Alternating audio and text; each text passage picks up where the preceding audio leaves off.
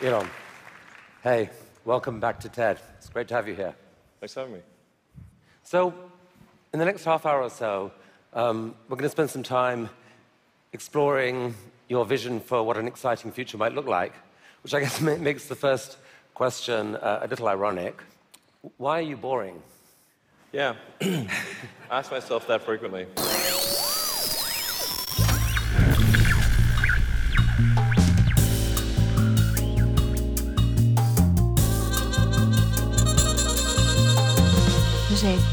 Opgenomen dinsdag 2 mei 2017.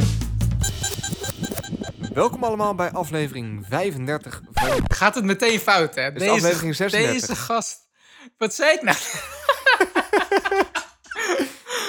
Ik alsnog knippen? Oké. Eh, Oké. Welkom allemaal bij aflevering 36 van De Zeepkast. Nog steeds jouw bron voor al je science, technology en popculture nieuws. Tegenover mij zit David. En tegenover mij zit Sander. Het is een, eh, een avondopname. Mhm. Eh, Is het allemaal gelukt met KPN? Mogen we geen reclame maken? nou ja, het mag best. Nee, ja, ik heb nu een, een KPN-aansluiting thuis. En er waren twee monteurs en er zijn gaten in mijn muren geboord. En eh, ze waren er maar druk mee. Ja, Hm. dus, maar dat is helemaal goed gekomen. Het is wel heel fijn nu, want ik kan nu live tv pauzeren en begin gemist. Het is geen reclameboodschap, maar dat vond ik wel... Dat vind ik Oké, wel... het is een nieuw, nice nieuwe technologie voor jou. Ja. Oké. Nee, op tv, ja, nou, wel grappig hoe dat inderdaad werkt. En bij YouTube ben je er heel erg aan gewend en weet je Ja. niet beter. Ja, goed. Hoe is die David? Ik heb geen tv. Ja, met mij gaat het goed hoor. Met jou? Ehm, ja, Je moet, er, ook wel. je moet er even over nadenken. Ja, intensieve week gehad. Ja. eh, veel, veel, veel trainingen gehad. Veel, eh, ja, een, eh, Word je groot en week. sterk van. Nee, heb je gezien hoe groot en sterk ik ben? Heb je die spierballen gezien? Ja. Nee. Ehm, goed, over mijn spierballen gesproken. Hashtag factcheck. Oh ja. Eh, dus we hebben even eh shout-outs naar eh, Patty, mijn trainer. Die luistert ons en die vond het tof. Die stuurde mij een berichtje. Arno, die vond het leuk. Rogier. Rogier heeft een review achtergelaten. Dus thanks Rogier. Ja, super en we kregen nice. van, cool. van Dirk Jan kregen we een hele uitgebreide mail. Ja, dat was vet. Vinden we, vinden we leuk ja. om te lezen altijd. Want Dirk Zeker. Jan, en daar kunnen we wel even kort op ingaan. Die komt eigenlijk terug op... eh, Aflevering 35, als ik me niet vergis. n- Ja, ja, ja. ja, Ja. ja. Nee, maar maakt ook niet uit. Het is aflevering 35, toch? Oh nee. 36. Nee. Eh, die komt terug op eh, dat hij het deels met ons eens, in, eens is dat QR-codes ehm, ja, vaak bij bushokjes en dergelijke heel erg onnodig zijn en, eh, en niet gebruikt worden. Maar hij zelf eh, ziet wel twee nuttige toepassingen van QR-codes. Dat is namelijk eh, voor het overnemen van zijn eh, WhatsApp webinterface, zeg maar. Mhm. Dus als je het vanaf je Ja. telefoon overneemt, moet je een QR-code scannen en nou, kan je meer vinden. Daar kan Ja. het handig voor zijn. Ja. En wat zei die nou nog meer? Ja, met Bunk. Oh ja, met Bunk. Dus weer het over... Voor ideal betalingen Het met is in feite het, het, hetzelfde natuurlijk. Het overnemen van een sessie van je telefoon. Met Ja, een, precies. ja. Want ehm, ja, met, eh, met Bunk heb ik geen ervaring met de QR-code gedeelte. Ehm, alhoewel ik met Bunk wel voor andere dingen volgens mij QR-codes wel eens heb gebruikt. Ik, ik doe het met ING ook. En Met, met Ja? Bunk ook. Ja. Oké, en met ING wordt dat, heb ik dat nooit eh, En gebruikt. met, met DigiD tegenwoordig. Nee, ik doe dat allemaal gewoon via de ouderwetse authent- eh, two-factor authentication via sms en zo. Ja. Eh, en natuurlijk, ja, dat, eh, de WhatsApp web inderdaad, om die sessie te koppelen met je telefoon. Maar het is wel grappig, want eh, enerzijds, dit zijn allebei toepassingen waarin ehm, degene die, het, die, die de QR-code genereert eigenlijk, die heeft de hele infrastructuur als het ware in handen, zeg maar. De Bunk heeft de app en de site, eh, WhatsApp heeft de app Het, en het de is site. puur verwijzing. Het overnemen van een sessie inderdaad. Eh, niet zozeer het opvragen van nieuwe informatie. Zoals je wel ziet als je bij de, de pisbakken staat bij de mannen. Dat er zo'n QR-code staat. Dan scan deze. Nee, precies. Ja, doen ze dat, volgens mij tegenwoordig met NFC-chips. Dan kun je het ziet voor je. En dan sta je daar lekker eh, hè, je te plassen. grafisch, Sander, grafisch. Hoezo? Iedereen plast. Ja. We er lekker te plassen. En dan moet je je telefoon uit je zak halen. En dan tegen de post. eh, nou, ik, Nee. degene die naast je staat, die ziet je al gaan. dat, eh, Nee. Maar het, wat ik wel grappig vind, want dit zijn wel voorbeelden waarvan ik denk van ja, ik heb dit ook gebruikt. Maar dat denk ik niet meteen aan als ik bij QR, co- eh, als we het over QR-codes hebben. Dus dat, ik moet zeggen, dat zegt wel, toch wel wat over de implementatie eh, eh, van het systeem. Dat het zo seamless is dat je er niet bij nadenkt, eigenlijk. Ja. Je wordt eh, bij Nou ja, WhatsApp, het- krijg je, krijg, wordt de camera gelijk geactiveerd eh, als je daar al toestemming voor hebt gegeven. Hou hem op je scherm, bam, je bent gelinkt. En je denkt er eigenlijk niet eens over na van, oh ja, dat is die QR-codes die ik eigenlijk heel stom vind, normaal. Ja, ehm, Ja, dat klopt. Er valt zeker iets voor te zeggen, maar ik denk wel... Aan de ene kant vind ik het een beetje een gezochte toepassing van QR-codes. Of gezocht. Ja, daar hebben we, voordat we gingen opnemen, hadden we daar kort over gespeculeerd. Maar eh, je, toen zei je ook van, ja, maar het kan toch ook anders via een link of zo. Maar ik weet het niet hoor. Misschien zit het toch wat meer achter dat, dat, dat er iets met eh, encryptie of zo. Dat, dat, eh, ik weet het niet hoor. Ik ben het gewoon hardop Nee, aan ja, ik, ik ook niet. Maar dan nog, een QR-code is in feite een barcode, toch? Maar dan net anders. Een andere vorm. Ja, klopt. Dus ja, het blijft een beetje... In, in, in mijn gedacht blijft het iets flashies-achtig. Vormgeving, manager of hoe Misschien is er iemand die, die het... eh, Marketingachtig. misschien is, het, is er iemand die het, die het weet. Die dus eh, ik, het kan ik, eh, ik snap deze het, eh, toepassingen. maar ik blijf wel van mening dat het volgens mij ook anders opgelost. Dat, dat, nou goed. Ik ben gewoon geen fan van QR-codes. Je, hebt gewoon, je bent gewoon, oké, laten we gewoon ophouden. Je bent gewoon bevooroordeeld tegen Heel erg, heel erg. En dat gaat nooit meer goed komen ook. Ja.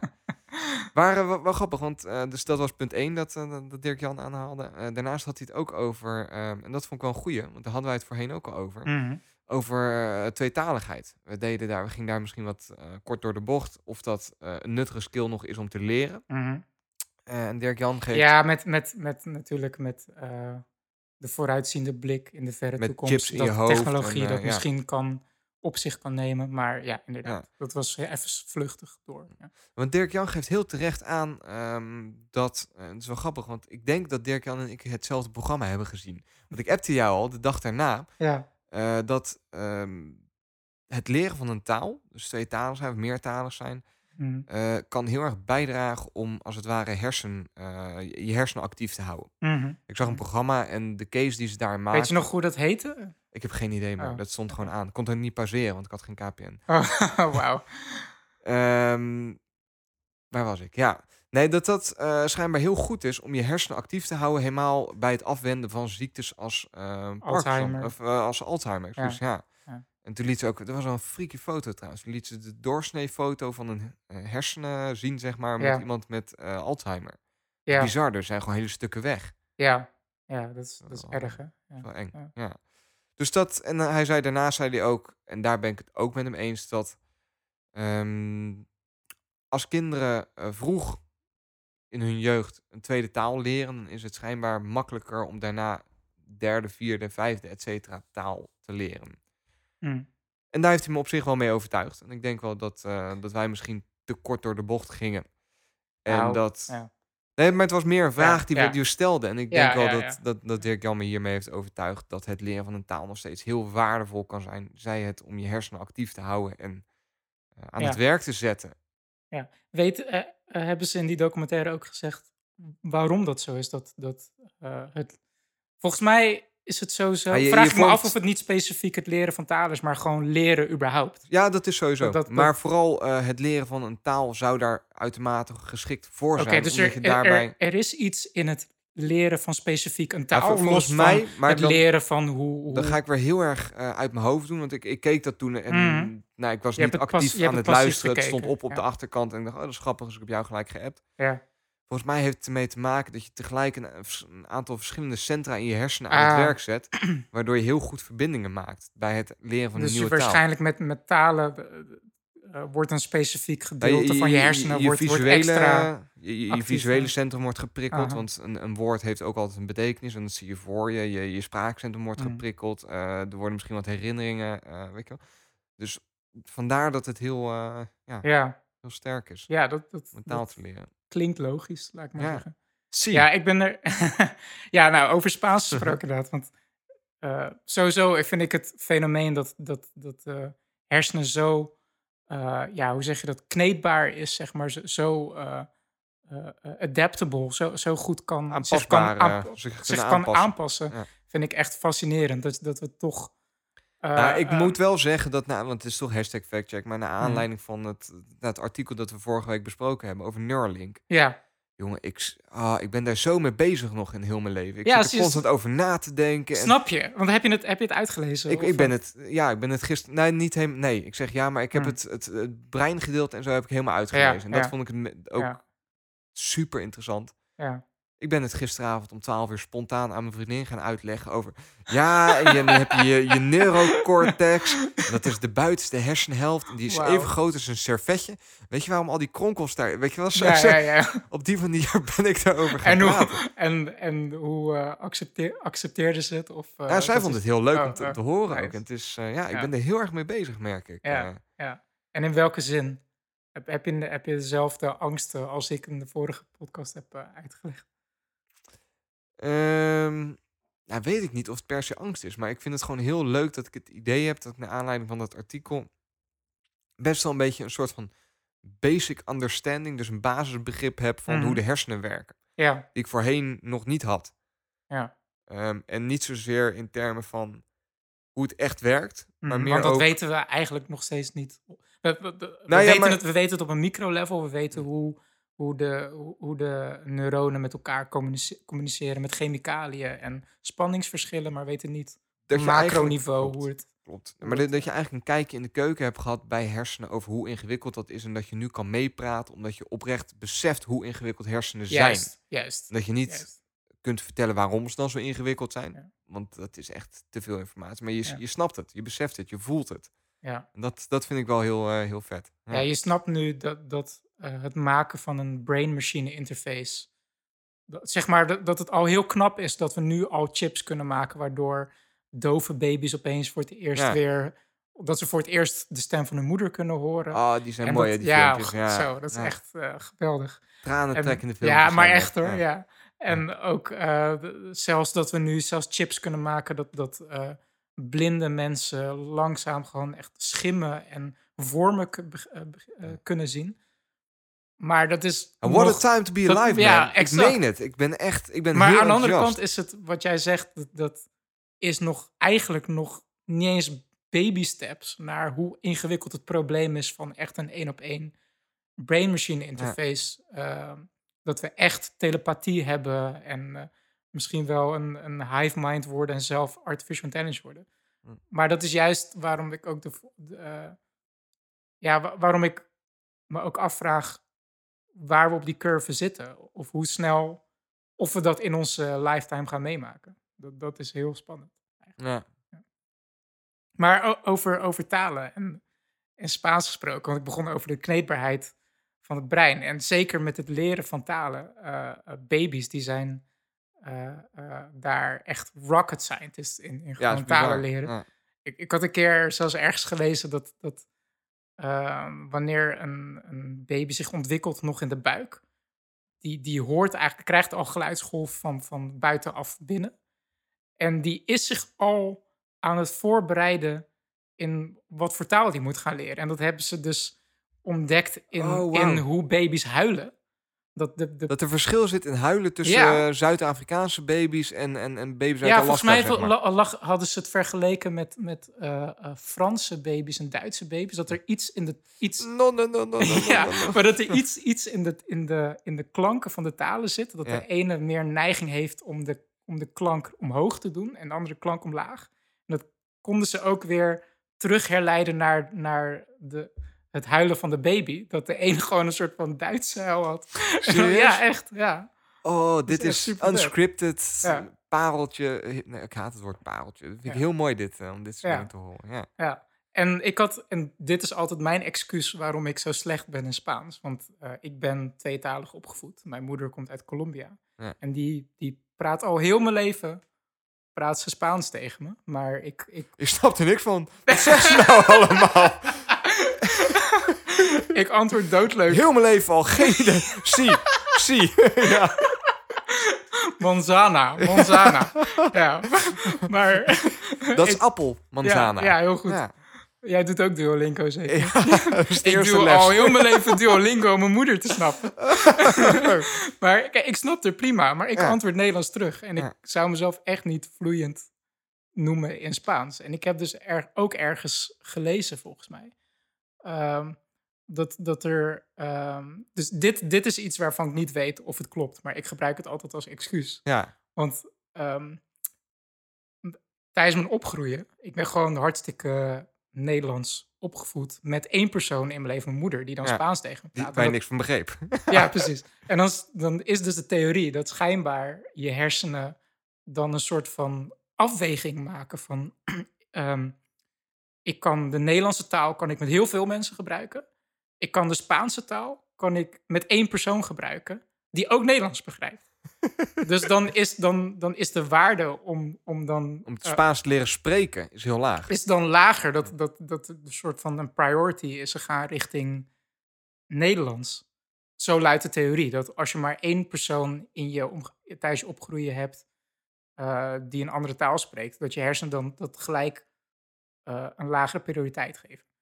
Op en, zich wel... en, en een, een, eh, een vriendin van mijn moeder, die, Ja. die eh, haar kinderen, die, die spreken wel vloeiend Spaans, maar die groeiden ook op met de oma, die echt alleen maar Spaans verstond. Verstaat. Ja.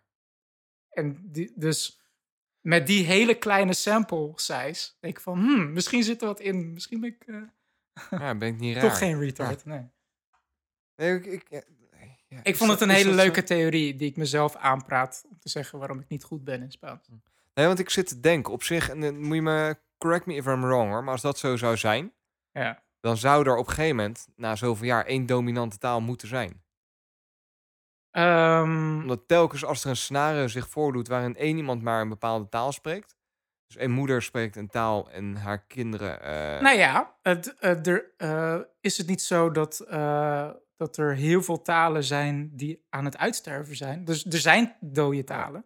En er zijn talen die aan het uitsterven zijn. Er zijn talen die nog door honderd mensen worden gesproken.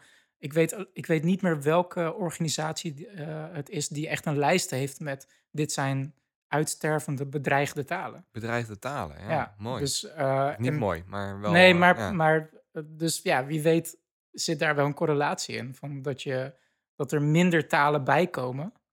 En dat er dus inderdaad wel een soort van pijl, pijl is richting eh, globale talen. Wat, Ja. wat erg, heel erg... globaliseren of in Ja, globale taal, ja. Wat, wat erg zonde eh, zou zijn.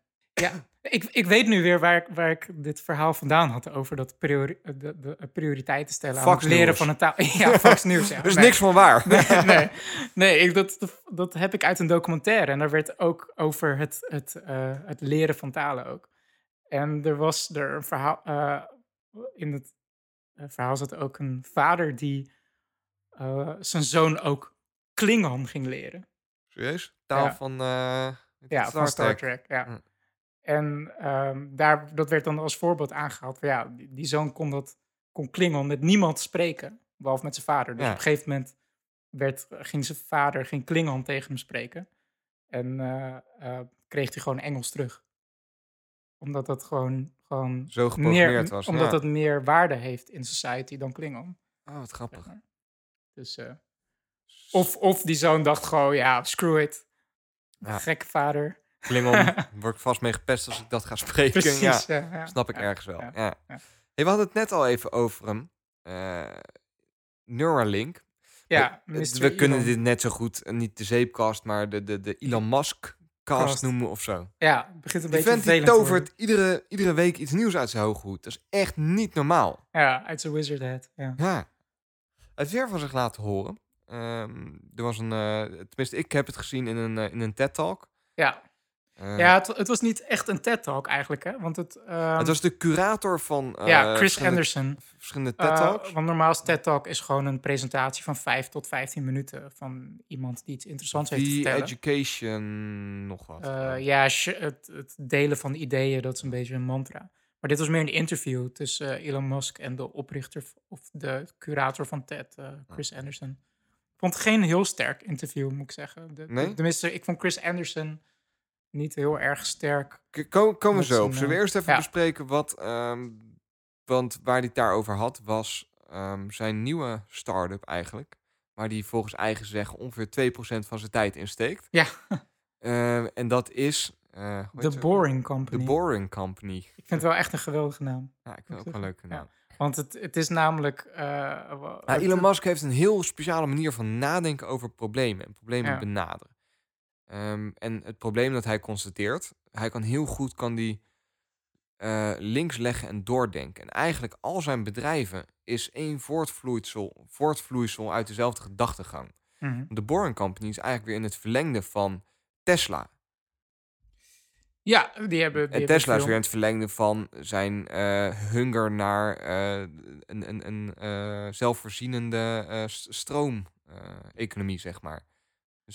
Ja, maar misschien aan de ene kant is de Boring Company dan wel echt saai op het niveau dat dingen als Tesla en SpaceX en Neuralink, die hebben wel een soort van hyper toekomstvisie van Tesla.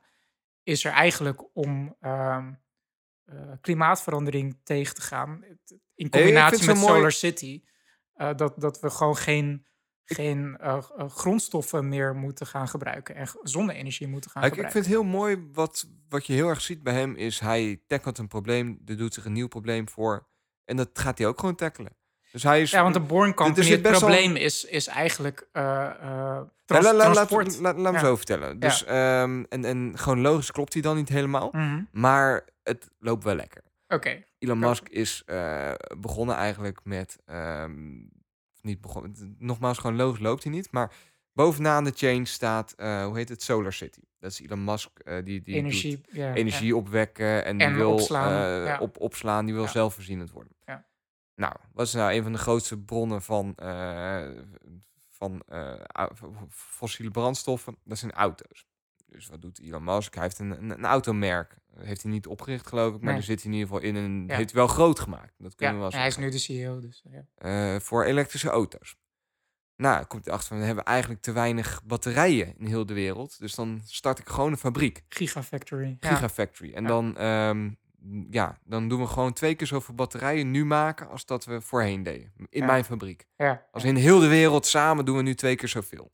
ja, En het is nog niet genoeg, dus we gaan komend jaar gaan we er nog, nou, ik denk een stuk of vier gaan we er openen. ja. En wat zei je nou? Als, als er honderd zijn, dan, Dan kan is heel de de hele wereld- wereld voorzien ja, van energie. Van Ja. stroom. Dus dat, dat heeft hij bedacht. Oké, dan hebben we dus al die auto's. Dan heeft hij doorgedacht.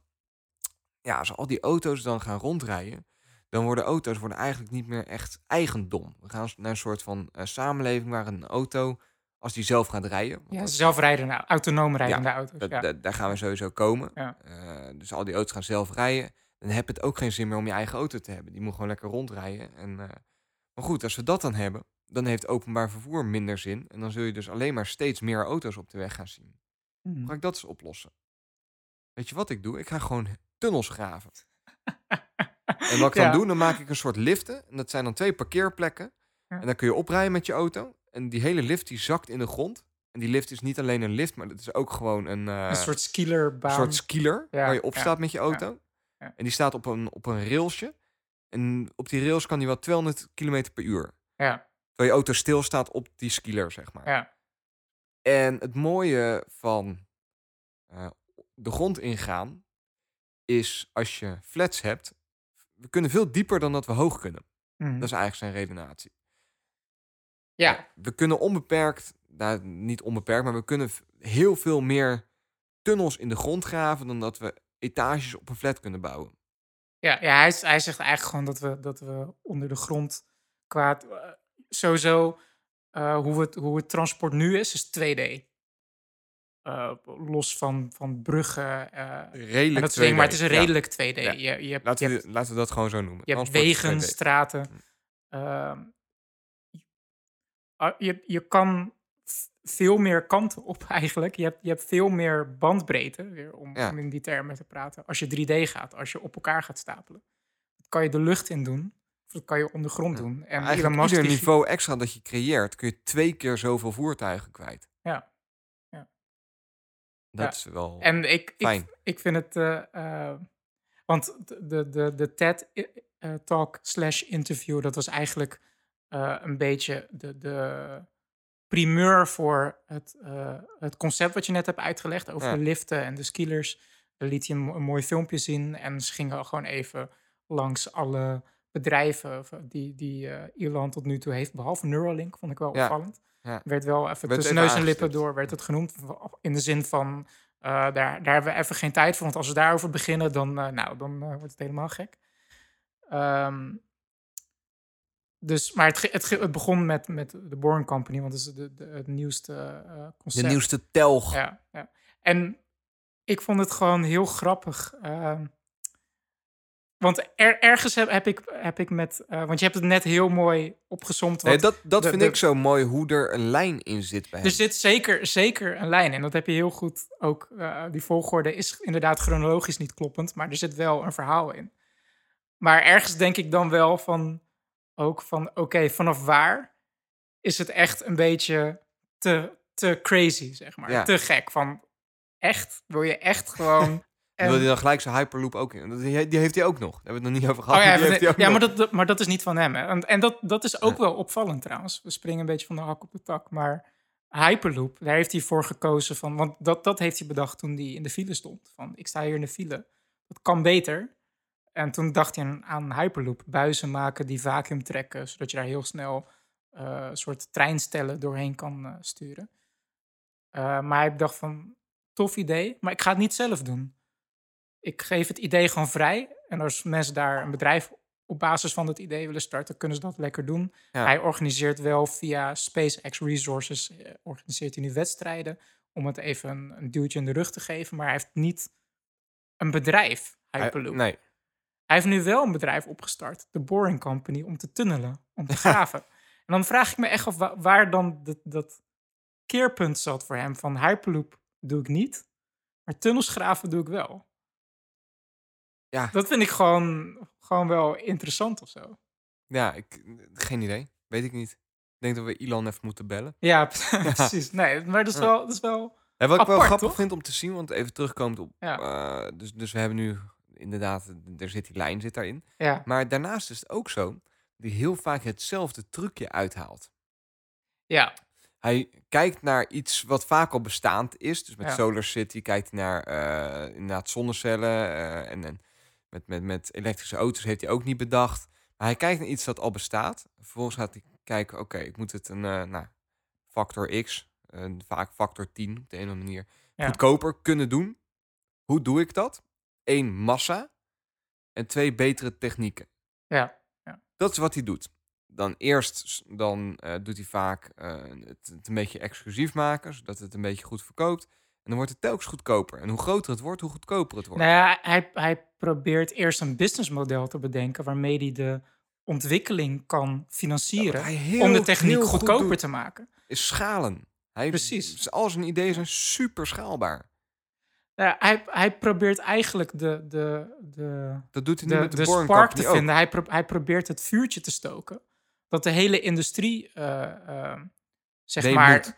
ja, inderdaad mee moet of ook brood erin gaat zien. Ehm, hij probeert de techniek dusdanig op, op een niveau te brengen dat, dat, dat niet alleen hij het hoeft te doen, maar dat de hele industrie meegaat. Ja. Je ziet dat, hij, eh, dat met Tesla, dat nu eigenlijk elke autofabrikant is nu met een elektrische auto bezig. Omdat ze er brood in zien. Ja, omdat, omdat ze ze zien- moeten. Niet per se omdat ze het brood inzien, maar als ze het niet doen, dan zien ze, dan eh, bestaan we over vijf jaar niet meer. Of over tien jaar. Dat, nou, dat is denk ik hetzelfde, maar dan anders verwoord, denk ik. Nee, Het is is wel een belangrijk verschil. Ehm, ik denk dat het gewoon een soort van... Nee, lu- luister. Ik, ga het, ik ga het toelichten. Ja, ja, ja. Want eh, kijk, wat er heel lang is gebeurd. Je had al die autofabrikanten. En als één daarvan brood zag in elektrische auto's, Mhm. dat kan. Maar dat vereist te veel investering en ze verdienen nu al goed geld. Ze weten ook, ja, als ik dat ga doen, dan moeten we daar echt all in op gaan. En dan moeten gaan, gaan eh, concurrenten gaan mee, dan gaan we in een soort concurrentieverslag verwikkeld gaan. ja. Eh, dus er zit wel brood in, maar het is slimmer om dat zo lang mogelijk uit te stellen. We weten dat we daar uiteindelijk naartoe moeten, Mhm. maar we gaan het uitstellen. Terwijl nu is Elon is hiermee begonnen. En ze zien nu in van, ja, dit is niet brood erin zien. Dit is bittere noodzaak. We moeten Ja. wel. Wat ik eigenlijk bedoelde, is dat, dat eh, Elon eh, de business op zo'n manier probeert te, te, te, Disrupten. prik, te disrupten, te Ja. prikkelen als het ware. Dat er een economieverschuiving plaatsvindt. Dat het economisch, dus dat bedoelde ik eigenlijk met Ja. de brood inzien.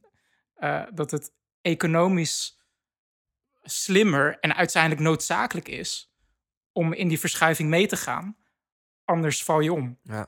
Dat, dat is eigenlijk het, het, eh, het, het concept. Ja, nee, maar mm, dat klopt. En dat doet hij telkens. En dat vind ik dus... Ik, ik ben wel heel... Op de een manier doet hij dat toch goed, hoor. Ehm, Ja. Want ik, ik had dat filmpje van tevoren al gezien. En dan Ja, zie je zo'n filmpje, auto die rijdt ergens op, gaat Ja, naar beneden. precies. En ik dacht echt, nee joh.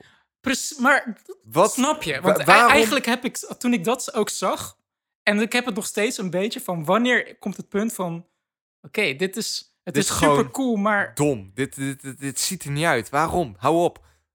ja, maar eh, ook, Maar toen ging hij het vertellen. En toen Ja. dacht ik van ja, dat is Ja. eigenlijk op zich klinkt wel, klinkt wel aardig. En dat klinkt wel Ja. goed. En dat is leuk. En ah, hij gaat het schaalbaar maken. Ah, hij kan het heel veel goedkoper. Want wat hij eigenlijk, eh, ehm, als we oké, dit hele concept nu pakken van Elons filosofie van eh, de, de technologie op een dusdanige economische, eh, technische, schaalbare niveau brengen, dat de hele industrie denkt van oké, dit, hier gaan we naartoe. Ehm, wat hij met de Boring Company wil doen, hij wil eh, dus eigenlijk de snelheid van boren wil die, ja, daar komt het gewoon Ja. neer. Die, daar, daar wil, die, dat wil die op een dusdanige snelheid krijgen en op een bepaalde prijs Oh, ja, krijgen. een mooi verhaal was dat. Dat, dat het, eh, ja, precies, dat het, dat het dus interessant wordt. Want hij ziet nu dus van, oké, tunnels graven, dat kunnen we, dat is geen probleem.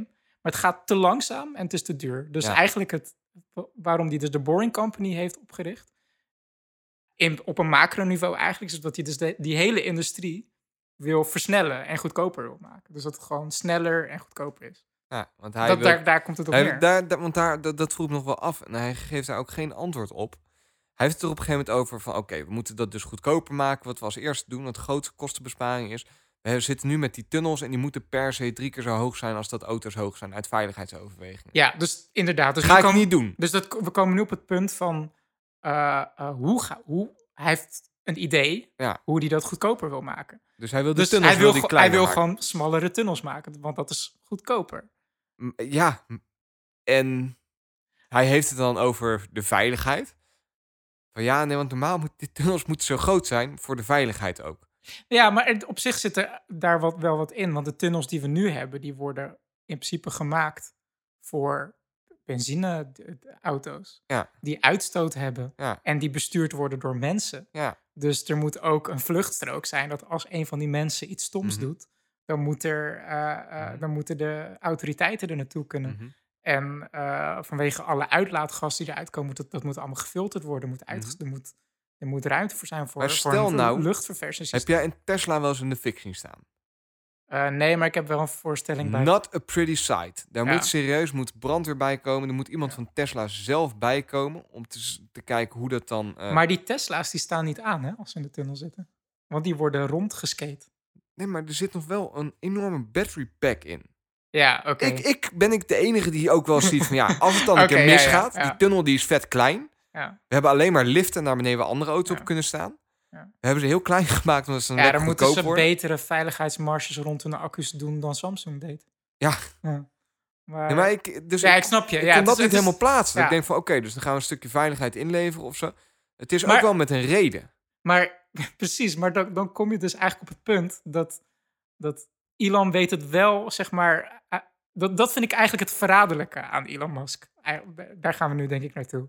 Dat hij weet het wel op een dusdanige manier te verkopen en te brengen. En op een bepaalde logica manier te brengen. Dat is het. Waar, Hij- waar je- waarvan je denkt van ja, ja, dat is het. Dat je misschien ook in zijn naïviteit meegaat.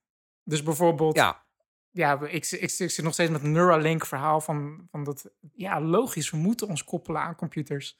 Maar ik zit er eigenlijk over af- 100 jaar is iedereen aan computers gekoppeld. Ja, want, en dan want, is want Elon Musk is- een soort van public enemy nummer 1. ja, weet je wel? precies, van what have you Ja, done, weet ja. je? Want inderdaad, van, eh, we, we hadden het de vorige keer over van, van dat het onoverkomelijk is dat de mensheid een bepaalde richting toegaat. Maar ik zit er ook gewoon de laatste tijden mee van, er zijn ook bepaalde, is er kennis die je gewoon niet moet willen hebben, bijvoorbeeld. En dat je dat toch Ja. soort van de rem op moet drukken. Ja, dat vind ik Dus een dat heel is- moeilijke, ke- een heel moeilijke vraag. Of er Dat- kennis ja. is. Ja, zeker. Maar da- daar wil ik dus eigenlijk nu niet op ingaan, want het is best wel eh, heftig.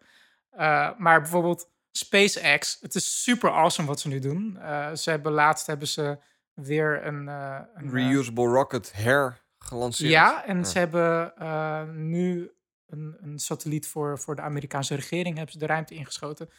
En dat hebben ze nu ook met, met grondtelescopen hebben ze dat gefilmd. Dat zag er super gaaf uit. Ja. Je zag dus vanaf, dus niet vanuit een onboard eh, camera of van de camera van de drone ship. Je zag echt van veraf. Zag je hem uit de atmosfeer, zag je hem vallen. Die had het bijsturen, dan afremmen. En dat, dat, dat zag er echt zo gaaf uit van die afstand. Ja. Dus dan denk je wel van, oké, paar jaar geleden zei hij van, ik wil raketten landen. Dus van, ja, prima, go ahead. Nu doet hij het. Ze Ja, hebben het nu echt al twaalf keer gedaan. Want hij had het eh, in zijn vorige... dus hij heeft al eerder een gesprek gehad met eh, Ted. Ook met die curator. Ja, ja. En dat is nou, een x aantal jaar geleden. Ik weet niet hoe lang geleden. Maar toen heeft hij dit aangekondigd. Toen heeft hij gezegd dat hij hiermee bezig was. Ik wil raketten landen. Ja. Het is dus wel zo. Hij doet het ook. Hij, precies, precies, hij doet het. Maar ja, dan kom je op, kom je op het volgende punt van... Oké, SpaceX die is nu keihard op weg op het, het goedkoper maken van, van eh, eh, space travel. En die, die heeft daar denk ik zes neklengtes voorsprong op, op, op wie dan ook. Die zijn zo goed bezig. Volgens mij is er niemand die, die in de buurt Hij is nu de enige die raketten landt. Dus, Ja. eh, dus, dus dat gaat goed. Alleen het uiteindelijke doel is een stad van 1 miljoen mensen oprichten In zijn in- leven. in, in, op Mars. Ja. En dat moet dus binnen nu en 50 jaar. Binnen nu en 50 jaar is er volgens Elon een stad op Mars waar 1 miljoen mensen wonen. En die helemaal, die zo goed als onafhankelijk van de aarde Draait. leven. Ja. En dan, dan kom je dus wel op het punt van, oké, ik volg hem in de gedachtegang dat je dus dingen goed, dat je eh, eh, ruimtevaart goedkoper moet maken. Om dat überhaupt te bewerkstelligen. Maar Waar houdt het op? Precies, precies. Ja. Waar, waar houdt die, die logica op en start eigenlijk de naïviteit van de, de waanzin. Ja. Ja, exact. Want dan laat hij dus hele mooie filmpjes zien van een, echt een bizar gigantische raket ter grootte van een wolkenkrabber. Die, eh, dat, is de, dat, dat noemt hij de, de, de Interplanetary Transport System.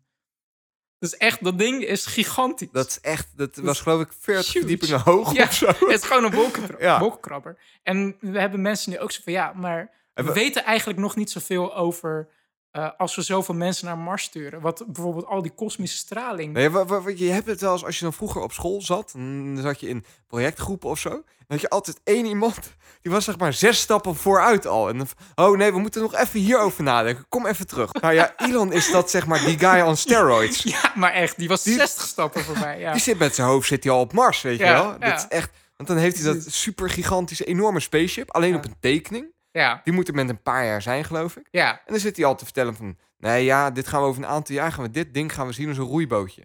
ja, precies. Hè? Ja, maar er zijn er, er zijn er andere experts die zeggen van... oké, dat is leuk, maar er wordt nog heel veel onderzoek naar gedaan... naar wat voor effect zo'n langdurige reis in het vacuüm... waarin je bestookt wordt met kosmische Maar straling... dat bedoel ik, Elon is wat, daar wat al lang voorbij. wat voor effect dat heeft op je lichaam. Eh, de NASA die doet experimenten Hm. met, met astronauten die een jaar lang op de International Space Station leven. En ze hebben geen idee.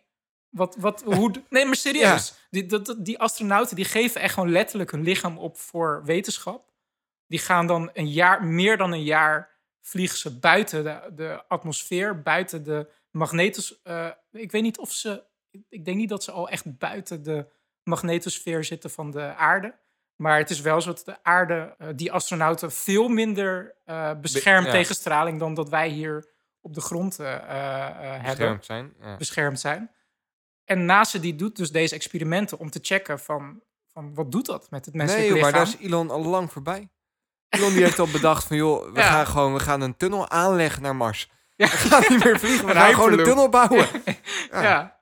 Ja, precies. Dus dat, dat, dat, dat vind ik gewoon interessant. Omdat ik, om daar gewoon een soort van de rem op te, op te drukken en te zeggen van, ik vind het super cool wat Elon allemaal doet. Maar kom even terug. ja. Nee, maar, maar eh, op welk punt is het geen logica meer van natuurlijk, raketten moeten we hergebruiken, want dat maakt het goedkoper. Logisch. En dat lukt hem ook. En waar ligt dan het punt van, van oké, nu kom je op een territorium waar we eigenlijk gewoon nul kennis in hebben. En dat je, en dat je daar geen logica meer op kan toepassen. Dat is eigenlijk wat ik probeer te zeggen. Ja, ik snap Dus, dus ook om weer terug we- te gaan naar de boring. te zeggen. dus we hebben net geconstateerd inderdaad, hij, hij doet stappen vooruit. Hij ziet van, Ja. eh, en nu heb ik dit, en komt een nieuw probleem. Maar hij is nu zeg maar al zes stappen vooruit gezet. Ja. En hij heeft nog niet over die problemen nagedacht. Ja, ja precies. Want hij, hij, hij ehm, wijft het ook een beetje weg hè, als hij die vragen krijgt over die straling. Van ja, dat komt wel goed. Ja, ehm, komt wel goed.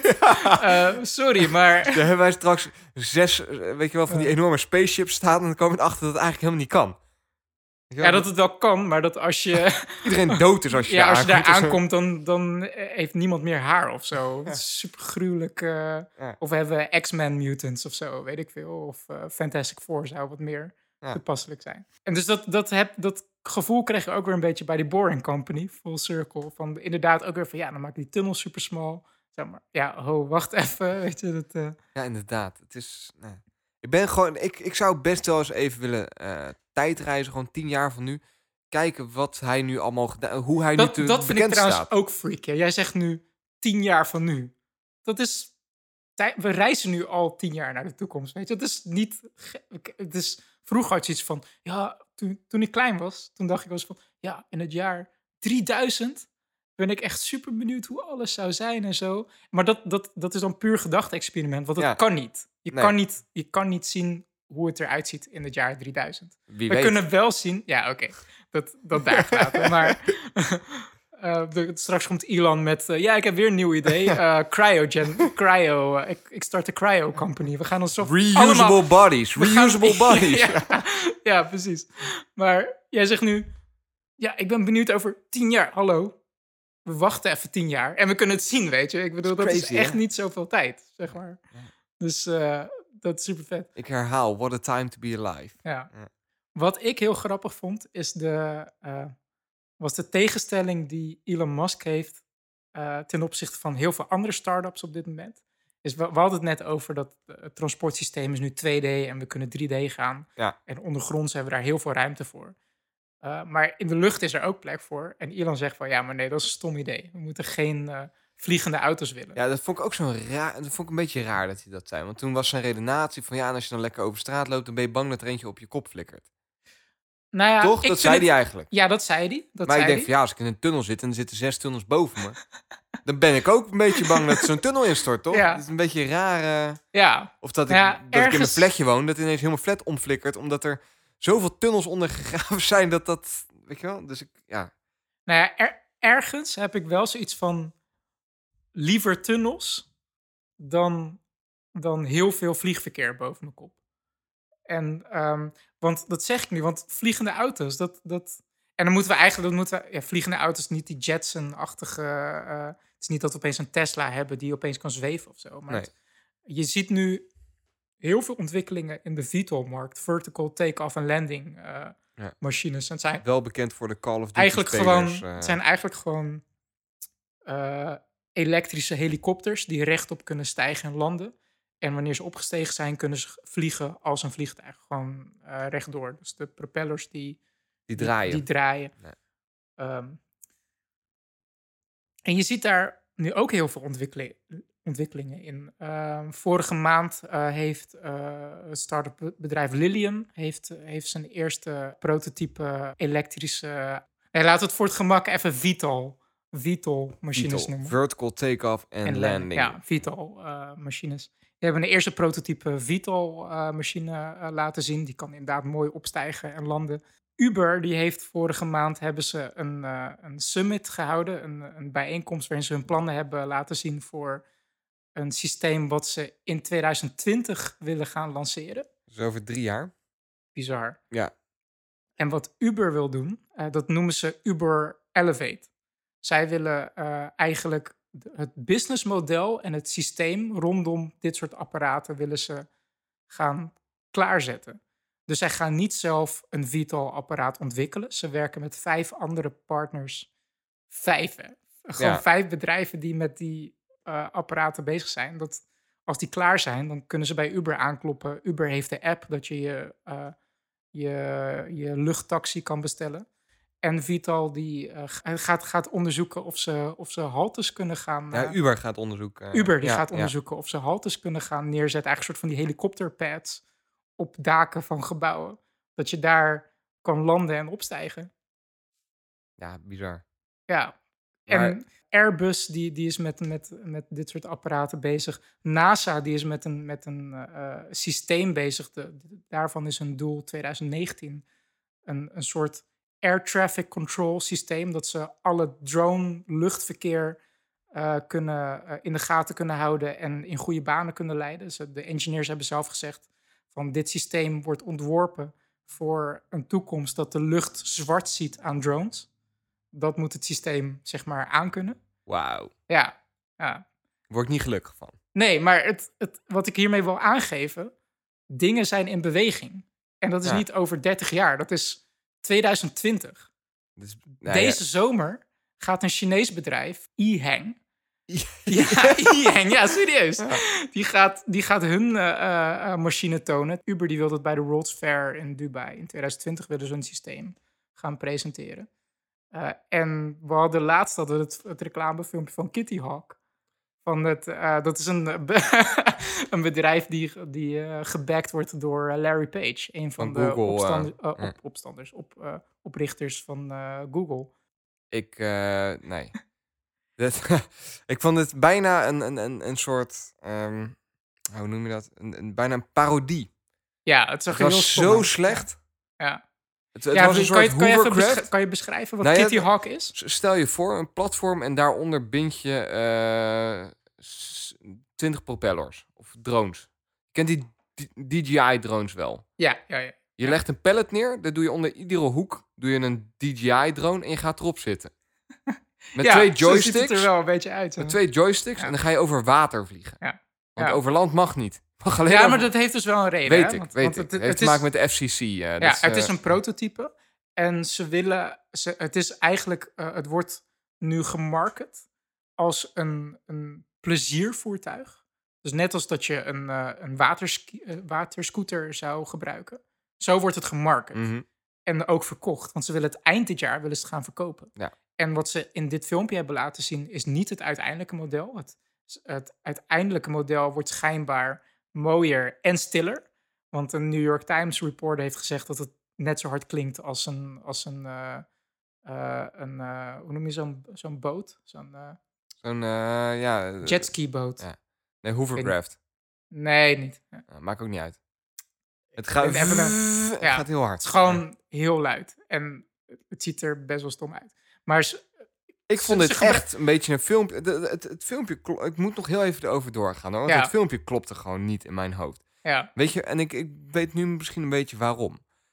Eh, kijk, je hebt aan de, ik vond dit apparaat dat ze laten Mhm. zien, vond ik een beetje à la eh, Boston Dynamics. Weet je wel, die laten ook filmpjes ja zien. van eh, robots. Die, die maken robots, en- maar dat ziet er allemaal best wel geeky uit. Het is niet afgewerkt en dan zie je robots en dat is ook gewoon met de home video gefilmd en die staan buiten een Ja. beetje in de sneeuw staan die dingen te doen en zo. En dat werkt. En dan denk ik Ja. van heel vet. Ze zijn hier heel druk mee bezig. Het is een prototype. Super. Aan de andere kant heb je heel gelikte filmpjes. Denk aan Apple, eh, waarin je inderdaad heel blije mensen ziet met een mooie omgeving en ze hebben daar een mooi product. Ah, ik weet waar naartoe wil gaan. Ja, ja, ja. Maar dit was de omgeving van zo'n mooi filmpje. Met een Ja. soort van heel groot marketingbudget. Waarin ze dan dat Ja. filmpje gingen produceren. Over een, een, een vrouw en die is aan de telefoon. En die Maar nodigt ja, kom beste kom je langs uit. voor het diner? En ze- En ze, ja, ik kom eraan. Oh, maar hoe kom je dan dat je hier in twee minuten bent? En dan stapt ze vervolgens op echt een draak van een ding. wat er niet uitziet. Dat echt serieus zo in zo'n Boston Dynamic filmpje had kunnen zitten. ja, ja. En dan stijgt ze, stijgt ze op. Iedereen klappen, zeg. Dan landt ze Ja. naast de boot. Ja. Schijnbaar heeft de boot helemaal geen last van opspattend water. Ja. Terwijl er wel 60 propellers over de hoop. Maar goed, dat maakt niet uit. En dan gaan ze heel gezellig gaan ze daar wat drinken. En dat klopt gewoon niet in mijn hoofd. En Ja, weet, je- weet je, ik, ik, ik snap nu heel goed wat je bedoelt. het, het het moet heeft waarschijnlijk te maken- kiezen. Dat filmpje, eh, tenminste de, die vlucht die je ziet, dat is een van de engineers. En dat was een testvlucht. En dat hebben ze gewoon gecombineerd met... Ze hebben er eigenlijk gewoon omheen een soort promotiefilmpje, verhaaltje van gemaakt, van wat jij net beschreef. Dus het is letterlijk de combinatie van die twee werelden. Van Ja. een, een testvlucht met een Apple-like eh, verhaaltje, lachende mensen, reclamefilm. Real game footage of zo had eronder moeten staan. Ja, eh, precies. Ja. Maar wat wel grappig is, is dat, dat aan de ene kant Kitty Hawk, het bedrijf Kitty Hawk, die gaat, die, die gaat nu wel dezelfde strategie gebruiken eigenlijk als eh, Tesla. We maken nu gewoon een super luxe one-percenter pleziersvoertuig die eh, mensen zonder eh, licentie kunnen gaan vliegen. Want er is nog geen prijs bekendgemaakt, Nee. maar dat ding koop je niet eh, zoals je nu voor hobby een drone zou kopen. Nee, je moet aan het water wonen. En je moet, het, daarom, het is gewoon voor mensen die een jacht hebben, laat ik ook zo'n Kitty Hawk eh, Ja. eh, flyer kopen.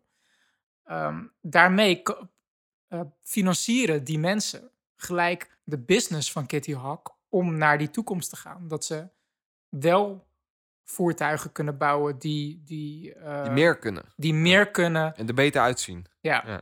Ja. precies. Dus, dus dat, dat is wel, denk ik, belangrijk om erbij te noemen. Maar goed, ik vind, ja, ik vind het af en toe gewoon lekker om even Ja. af te geven. Want het, het werkte gewoon niet. Vond Ja. ik.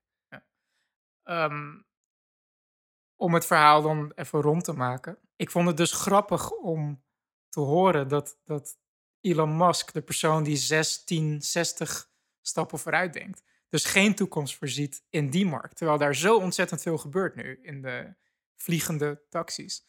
En zijn argument is inderdaad van, er is nu in principe een 0% kans dat er iets op mijn hoofd valt. Eh, straks als we vliegende auto's hebben, of VTOL-machines, dan is die kans niet 0% meer. Nee. Je kan het zo veilig... En daarin moet ik hem gelijk geven. Je kan het zo veilig mogelijk maken, helemaal autonoom maken, AI. De kans is niet meer 0% dat er iets op mijn kop valt op het moment dat er een, ook een 3D-transport grid is boven mijn hoofd. Van Uber Elevate of Kitty Hawks of noem het maar op. En geluid. Geluidsoverlast. Het zijn allemaal propellers. Dus en ik kan me niet... eh, kijk... eh, Kun je een heel zoemende stad inderdaad voorstellen? Dat je in een stad woont waar constant... Ik denk niet dat die apparaten ter hoogte van, van, van commer- commerciële airliners gaan vliegen. Die gaan veel lager vliegen. Ja, Dus dat- denk dat- ik ook. Ja. Dus dat vind ik echt heel apart dat daar zoveel gaande is. En dat dat... Nou ja, we- kijk, je, je, en ik weet er dan misschien te weinig van af, maar wat ik wel heel erg zie ook in, heel, ja, laten we het voor het gemak even Silicon Valley noemen. Ja, Dat is toch waar Uber zit en waar het meeste ja. Kitty technologische Hawk zit ook in... eh, zit in eh, is dat ik ook wel een beetje tot de conclusie kom dat ze vaak ook echt geen idee hebben waar ze het over hebben. Neem die juicer waar we het vorige, vorige week over hebben gehad. ja, Als jij met een beetje een gelikt praatje Ja. komt en ja, dan kun je miljoenen ophalen. Ja. Wie weet, en ik zeg niet dat het zo is, want ik weet er te weinig vanaf. Maar wie weet, is dit ook zoiets? ja, En heeft Elon het juist wel heel goed gezien? Dat hij zegt van ja, dat is allemaal leuk en aardig, maar dat gaat hem gewoon niet worden. als ik, als ik zou moeten gokken op een idee, los van wat Elon Musk tot nu toe be- bewezen heeft, van wat, die, wat zijn bedrijf tot nu toe eh, voor elkaar hebben gekregen, zou ik liever voor tunnels gaan dan voor een lucht die zwart ziet aan de dro- En drones. grappig is dat hoe dat dan werkt. En dat je eerst één heel kort demofilmpje hebt gezien dat een beetje raar uitziet van een Ja. auto die ergens oprijdt, zakt. En dat je denkt, nou, Elon is he- helemaal gek geworden. Ja, En vervolgens ga maar dat andere nadenken. idee is nog veel gekker Ga je eigenlijk. erover Ja. nadenken, ga je het ook tegen, te- tegen Ja. alternatieven afzetten. En uiteindelijk kom je tot de conclusie, nee, die, eh, die Elon die heeft het goed bekeken. Dit, dit, dit nou ja, ik, doen. nee, dat zeg ik niet. Ik zeg dat als ik moet, als ik ergens op zou moeten, Ja. moeten gokken, Ja. dan, dan niet eens gokken, maar ook zou, moet, zou iets voor zou moeten kiezen. Mhm. Kies ik voor tunnels onder de grond. Ik zeg niet dat het een goed idee is. Want bijvoorbeeld, waar ik me dan ook afvraag, is ehm, eh, dat gebied California, eh, San Francisco. Daar zit een breuklijn. Hoe ga je dat doen met al die tunnels? Als er weer. Dat is toch vragen om problemen? Niet eens over nagedacht, ja. Dus Lost die nog op? Ja, dat komt Breuklijnen, dat. Ja, eh, dat, die, eh, die lassen we gewoon vast. Maar doen we niet meer aan. Ja, dus staat hij gewoon een ander bedrijf op die dat weer oplost. Ja, precies. Nou, ik vind het wel een... Dus ik, eigenlijk niet eens heel voorbereid, maar zijn we heel erg de, de richting van eh, transport opgegaan. En de Ja. toekomst van transport. Ja, Ik vond het wel even leuk om erover na te denken. ja. Ik ben ook wel benieuwd wat onze luisteraars erover denken. Zijn er dingen die we, waar we volgens jou complete plank misslaan? Of hebben we je nieuwe inzichten gebracht? Ik vind het tof om even te horen. Laat even weten. Vind ik wel eh, vind ik leuk. Cool. Sander.zeepkast.nl of David.zeepkast.nl. Twitter, je weet ons eh, te vinden. Ehm, Zullen we het zo meteen even hebben ook nog eh, na de hoorn? Want we hebben alle twee hebben Guardians of the Galaxy hebben gezien. Ja, Guardians of the Galaxy Volume 2. Nou, ik denk dat we best wel veel spoiler-free zouden kunnen bespreken daarover. Want volgens mij zijn we allebei er best wel enthousiast over. Ik, ja. En ehm, wie weet misschien over Marvel überhaupt. Zullen we hem even spoiler-free En- houden dan? Ja, en dan kijken we, kijken we na het afsluiten doen we misschien een spoiler hoor. Misschien niet. Kijken Maybe we. yes, maybe no. We'll see. Zullen we hem eh, eerst eens even gewoon eh, lekker pitchen? Guardians of the Galaxy. Of mensen hem wel of niet moeten gaan kijken. En waarom wel, waarom niet. Nou ja, ik, eh, ik zeg van wel. Ik was wel een soort van blown away, man. Want ik was, ik was sowieso al fan van de, de eerste Guardians of the Galaxy ook, film. Maar dat ja. was gewoon omdat het zo'n verrassing was. Want eh, ja, Captain America en eh, de Avengers en zo, daar ben je wel redelijk bekend mee. Als je, Je, als je weet wat comic- je gaat zien. Als je van comic books houdt. En inmiddels zijn we dusdanig door Marvel getraind. Dat we wel weten wat we moeten verwachten van We een zijn superheldenfilm. geconditioneerd inderdaad. Ja, precies. En Guardians of the Galaxy Volume, volume 1, ik had er nog nooit van gehoord. En het was meteen ook best wel een verrassing. Toen die, die, want die, die stak qua thema's en qua uitvoering best wel uit van de andere Marvel films. Het het is geen, eh, geen Captain America, het is geen Hulk, het is geen Thor. Het is niet Nee, echt wel iets heel het anders. is eigenlijk de Star Wars van de Marvel. En eh, ja, vol, vol- ik had het er net over Volume 1 en Ja. Volume 2. Dus eh, toen ik naar Volume 2 ging, had je al wel verwachtingen, omdat je die eerste Ja. film hebt gezien en die vond ik Ja. vet. En ik, ze hebben, naar mijn mening, hebben ze alles nog even een tandje extra gedaan op de goede, goede wijze. Ze En hebben was- mij, ook, eh, bij mij echt op alle goede knoppen ook gedrukt. Ja, eh, precies, ja, ja. Zeker weten. Het begint bij de, dat is niet echt een spoiler, maar de Nee. openingsscène is al echt briljant. Mr. Blue Sky. Het is, het is zo. Weet je wat, wat grappig is? Kijk, het lastige is als je een sequel maakt, is zeker als je een populaire sequel hebt gemaakt, dat je dan het trucje nog een keer doet. Ja. En ergens hebben ze heel subtiel hebben ze trucjes opnieuw gedaan, maar gewoon nog veel toffer. Want ehm, toen ik, ik weet nog toen ik Volume 1 ging kijken in de bioscoop, ehm, het moment dat ik dacht van, oké, wauw, dit, dit, wordt iets, dit wordt iets bijzonders, was toen de, de, de titel van de film in beeld kwam.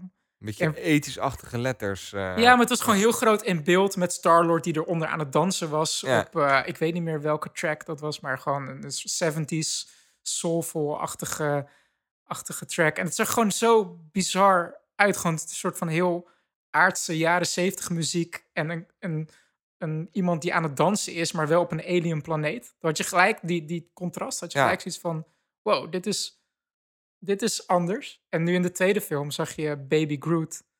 Die. eh, I am dat- Groot. Dat is geen spoiler. Nee, Nee, dat kan wel. Dat, dat hij, dus ook in de opening van de film, dat, dat de director en zo wordt aangekondigd, dat hij ook gewoon een volle track staat te dansen op Mr. Blue Sky van, van eh ILO.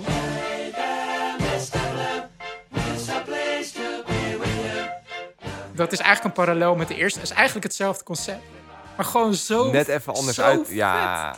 Zo Ook dat je vet. gewoon eh Vin Diesel, maar dat hebben ze in de eerste natuurlijk ook Ja. gedaan, gewoon een heel klein karakter laat inspreken. Het enige wat hij heel de film lang zegt is: I am Groot. Ja. I am Groot. Met een heel erg Maar hoe schattig was Groot in deze film? Wauw, ja, echt. Wat je eigenlijk moet doen, als je hem nog niet gezien hebt, ehm, ga Ja. de muziek luisteren. Ja. Ik, ik denk dat dat leuk is als je van tevoren gewoon de playlist even opzoekt en dan vast een beetje de muziek gaat luisteren. Het is namelijk een feest de herkenning. Want het, het, bij Guardians of the Galaxy, dat, daar is de muziek heeft ook wel een hele belangrijke rol. Hè? Ja. Ja. Sorry, daar ga ik nu inderdaad compleet aan voorbij. Maar de Guardians of the Galaxy hebben heel erg... ehm, nou ja, het, het verhaal erachter is, eh, is dat Star-Lord, dus de main character, die eh, heeft een... eh, dat is het hoofdpersonage. Dit is die- allemaal uit de eerste film. Hè? Ja, nou, die, die, die heeft zijn, zijn roots, die liggen op aarde. Ik doe het ook zonder, zonder iets te Mhm. verpesten. hoor. Zijn roots liggen op aarde. En hij heeft dus ook eh, wat muziek meegenomen vanuit aarde. Op echt daadwerkelijk een cassettebandje. Want hij is in de jaren tachtig is hij eh ontvoerd. Vandaar dat Ja. het Guardians of the Galaxy Volume 1 is. Ja. Niet deel 1, maar Volume 1. Ja. Dat is ook mixtape 1. staat op Mixtape, ja. Volume 1. En Ja. ze hebben nu deel 2. En dat is Volume 2. En je kunt die mixtape kun je dus ook echt vinden op Apple Music en op Spotify. Ja. En ga dat luisteren van tevoren, want dat is echt, je wordt daar heel blij van. Ja, ik denk voor, voor wie zou deze film allemaal zijn als je, als je niet echt into Marvel bent en eh, een soort van spektakel blockbuster films. Ja. Ehm, Want ik denk dus namelijk dat, want kijk, dit is voor dit, dit is gewoon een entertainmentfilm. Het is Ja. gewoon een rollercoaster. Je gaat, je gaat zitten, je doet je riem om en je wordt gewoon even twee, twee uur, tweeënhalf uur, word je gewoon, gewoon bekogeld met visuals, muziek, ik, was, ik heb dat nog nooit gehad. actie. Het is, en dan, dan is het afgelopen en dan stap je weer uit. En dan heb je, heb je of twee dingen van, wat de hel, ik doe dit nooit meer. Of Ja. je denkt van, dit is awesome, ik wil nog een keer, weet je. Ja, Dus er zit niet zo- tussen. Ja. dus, en dat, d- dat is sowieso wel met blockbusterfilms. Alleen wat ik vaak wel met blockbusterfilms heb. eh, bijvoorbeeld, ik doe even een makkelijke. Ik weiger om nog. Ik heb Transformers 1 tot en met 3 gezien. Ja. Ik weiger om ooit nog een Transformers film te kijken. ja, En die franchise die loopt echt als een tierenlier. Die maakt miljoenen. Maar ik hoef het niet meer te zien. Het is, het is, ja, het is een CGI-spektakel, maar het is best wel saai. En heel veel explosies, leuk. ik, ik ga altijd... Ik heb heel erg een zwak voor de stem van Optimus. Ja, oké, dan ga je voor de nostalgie. Maar Nee, maar ook, ook gewoon eh, eh, de, de beginscène. Ik weet niet, met die voice-over van Optimus, dan denk ik, oeh, dat vind ik altijd fijn of zo.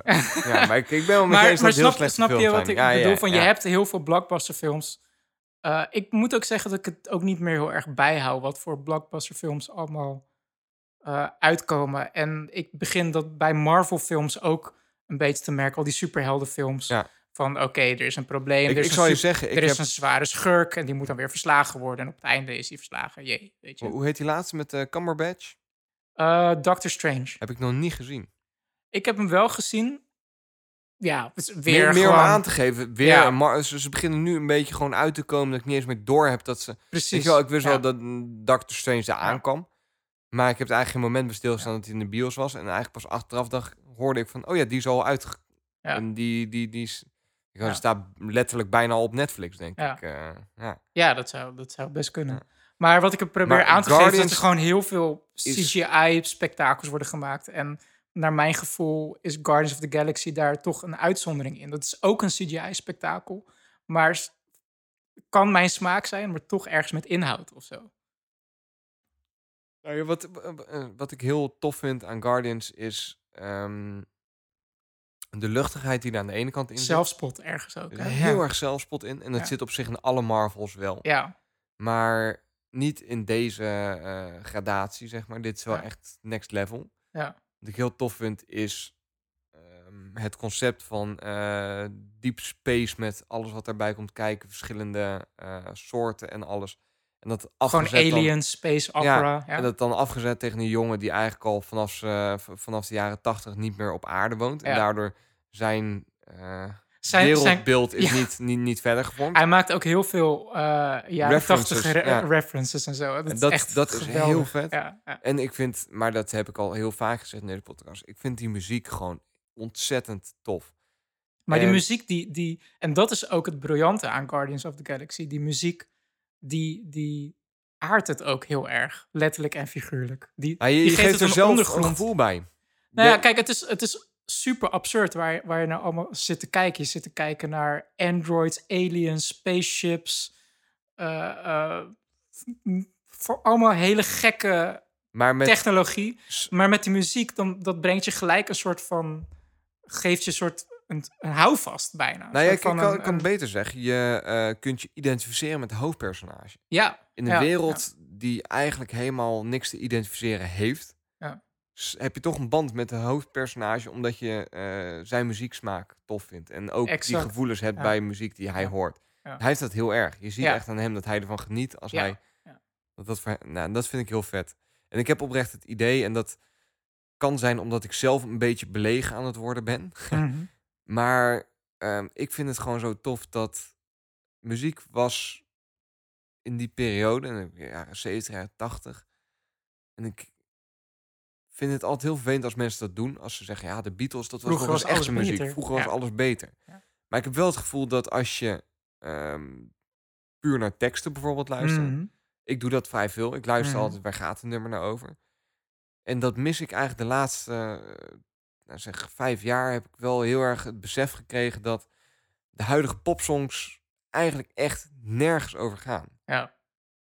Dat het een, een, een random blur aan woorden is over een soort van En hebben we het nu specifiek en- over popmuziek, denk ik wel. hè. Dat, eh, Nee, pop is populaire muziek. precies, dus wat Ja. op de radio draait. Ja. En in principe de muziek eh, die in Guardians of the Galaxy eh, wordt afgespeeld, dat werd in de Dat- 70s op de dat radio gedraaid. Dus populaire muziek. die ja. vergelijking klopt, Ja. ja. ja.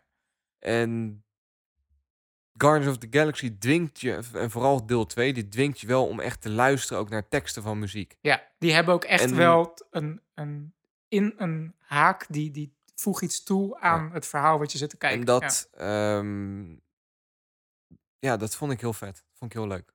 Ja, ja. ja dat, dat had ik dus ook. En ik vond ergens op heel veel punten... Ik wil hem nog, sowieso nog een keer zien. Want wat ik sowieso ook met alle Marvel-films heb, is... Als ik ze voor de eerste keer heb gezien, dan ben ik entertained. Van wow, wow, is tof, Spider-Man. Are you cool. not entertained? Is Yes. ook weer van. Dat is van The Warriors. Oh ja. ja. Eh, dan, als ik voor de eerste keer heb gezien, oh, spektakel, vet. Als ik hem dan nog een keer kijk, dan ben ik gewoon een beetje, een beetje eh bored. Ja. Oké, Dus je wilt- ja. Je wilt hem eigenlijk aan de proef onder eh, leggen? Of, of aan de, Juist. Want bij Guardians eh, of the Galaxy Volume 1, die, die kan ik meerdere keren kijken. Ja. En dan heb ik gewoon elke keer ben ik gewoon nog steeds iets van... Oké, je weet al hoe het gaat ja. en zo. Maar ik heb elke keer weer zoiets van... Ja, het is gewoon vet. Het is gewoon een leuke film om te kijken. En mijn indruk toen ik uit de bios liep bij Volume 2 was... Ik vond dit nog vetter dan één. Ja. Dus dan ben ik gewoon heel benieuwd of dat ook staande blijft. En mijn gevoel zegt van wel. Ook omdat het onderliggende verhaal eh, ook, ook iets is wat wel een hart had of zo. En wa- wat het ook een soort van eh, een ondergrond gaf, als het ware. Aan het, het, het is, ergens is het een, een heel ehm, menselijk verhaal. Het haakt al wel een beetje in op het eerste, eh, op, op het eerste deel dat Star-Lord, eh, de hoofdpersonage, eh, op zoek is naar zijn vader. Ja. En dat, want hij is opgegroeid zonder vader en heeft wel verhalen over hem gehoord. En daar gaat de tweede film eigenlijk voornamelijk over, die, die ontdekking naar zijn vader en hoe hij is. Dat is eigenlijk gewoon een hele, hele menselijke verhaal. Iets Ja. waar ik mezelf niet, wa- waar ik zelf geen ervaring mee heb, maar waar ik me kan voorstellen dat andere mensen dat wel hebben. Ik weet niet, ik vond het wel ook een, een bijzonder verhaal ergens of zo. Misschien op bepaalde punten iets te sentimenteel. Dat is, was misschien mijn enige. ja. Had je dat niet? Er waren, want er wa- waren heel veel van dat soort parallelverhalen. Een, een vader en zoon, eh, twee zusjes. Maar er zitten, zitten heel veel van dat soort familie eigenlijk. Je zou eigenlijk kunnen zeggen dat het, dat het alge- algemene thema familie is. Ja. En dat vond ik super mooi. Alleen op sommige punten was het misschien net iets te sentimenteel. Of zo. Dat is het enige waar Ja, ik, ik heb me helemaal eh, stuk gelachen om Drax. Ja, hij was gewoon de comic relief. Geweldig. Ja, ja, Briljant. ja. Ja. ja. Drax the Destroyer. Ja. Ja. Zullen we hem hier een beetje op gaan afsluiten? Want volgens mij zitten we alweer ruim over een uur. Oh ja, prima. En kan zo door blijven gaan over... kunnen we het nog een eh, half uur hebben over hoe tof Guardians of the Galaxy is. Maar ik denk Ja. dat de message wel is overgekomen. Ja. Ik denk ook, en moet je zeggen als ik het niet zo vind, maar ik denk dat we het hierbij moeten laten. Dat we geen spoilerhorn N- toestanden Ja, gaan doen. nee, ik... Nee, nee. Ik denk dat het mooi is. eens, Ga, ja. als je hem nog niet gezien hebt, ga lekker die muziek luisteren. Ga dan lekker naar die film. Doe jezelf niet tekort. Het is echt, echt een hele leuke Laat film. jezelf entertainen. Ja. Laat even weten wat je ervan vond ook. Vinden we leuk om te horen. Eh, dan gaan we hem hier eh, denk ik een beetje afsluiten. Heb je nog geen review achtergelaten? Doe dat dan even op iTunes. eh, of, eh, tegenwoordig heet het Apple Podcast. Hè? Mm. Geen iTunes Podcast, maar Apple Podcast heet het tegenwoordig. Dat, eh, daar help je ons heel erg mee. Of hè, deel ons met je vrienden of familie. Ik vind het altijd leuk als we nieuwe, nieuwe mensen kunnen bereiken.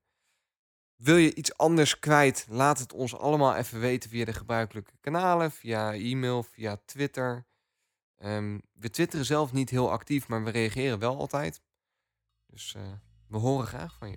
David, thanks. Jij ook bedankt, Sander. Geen probleem, ik vond het leuk weer. Ja, zeker. Ja, toch? Ik vond het heel leuk. Lieve luisteraars, live long and prosper. Ciao.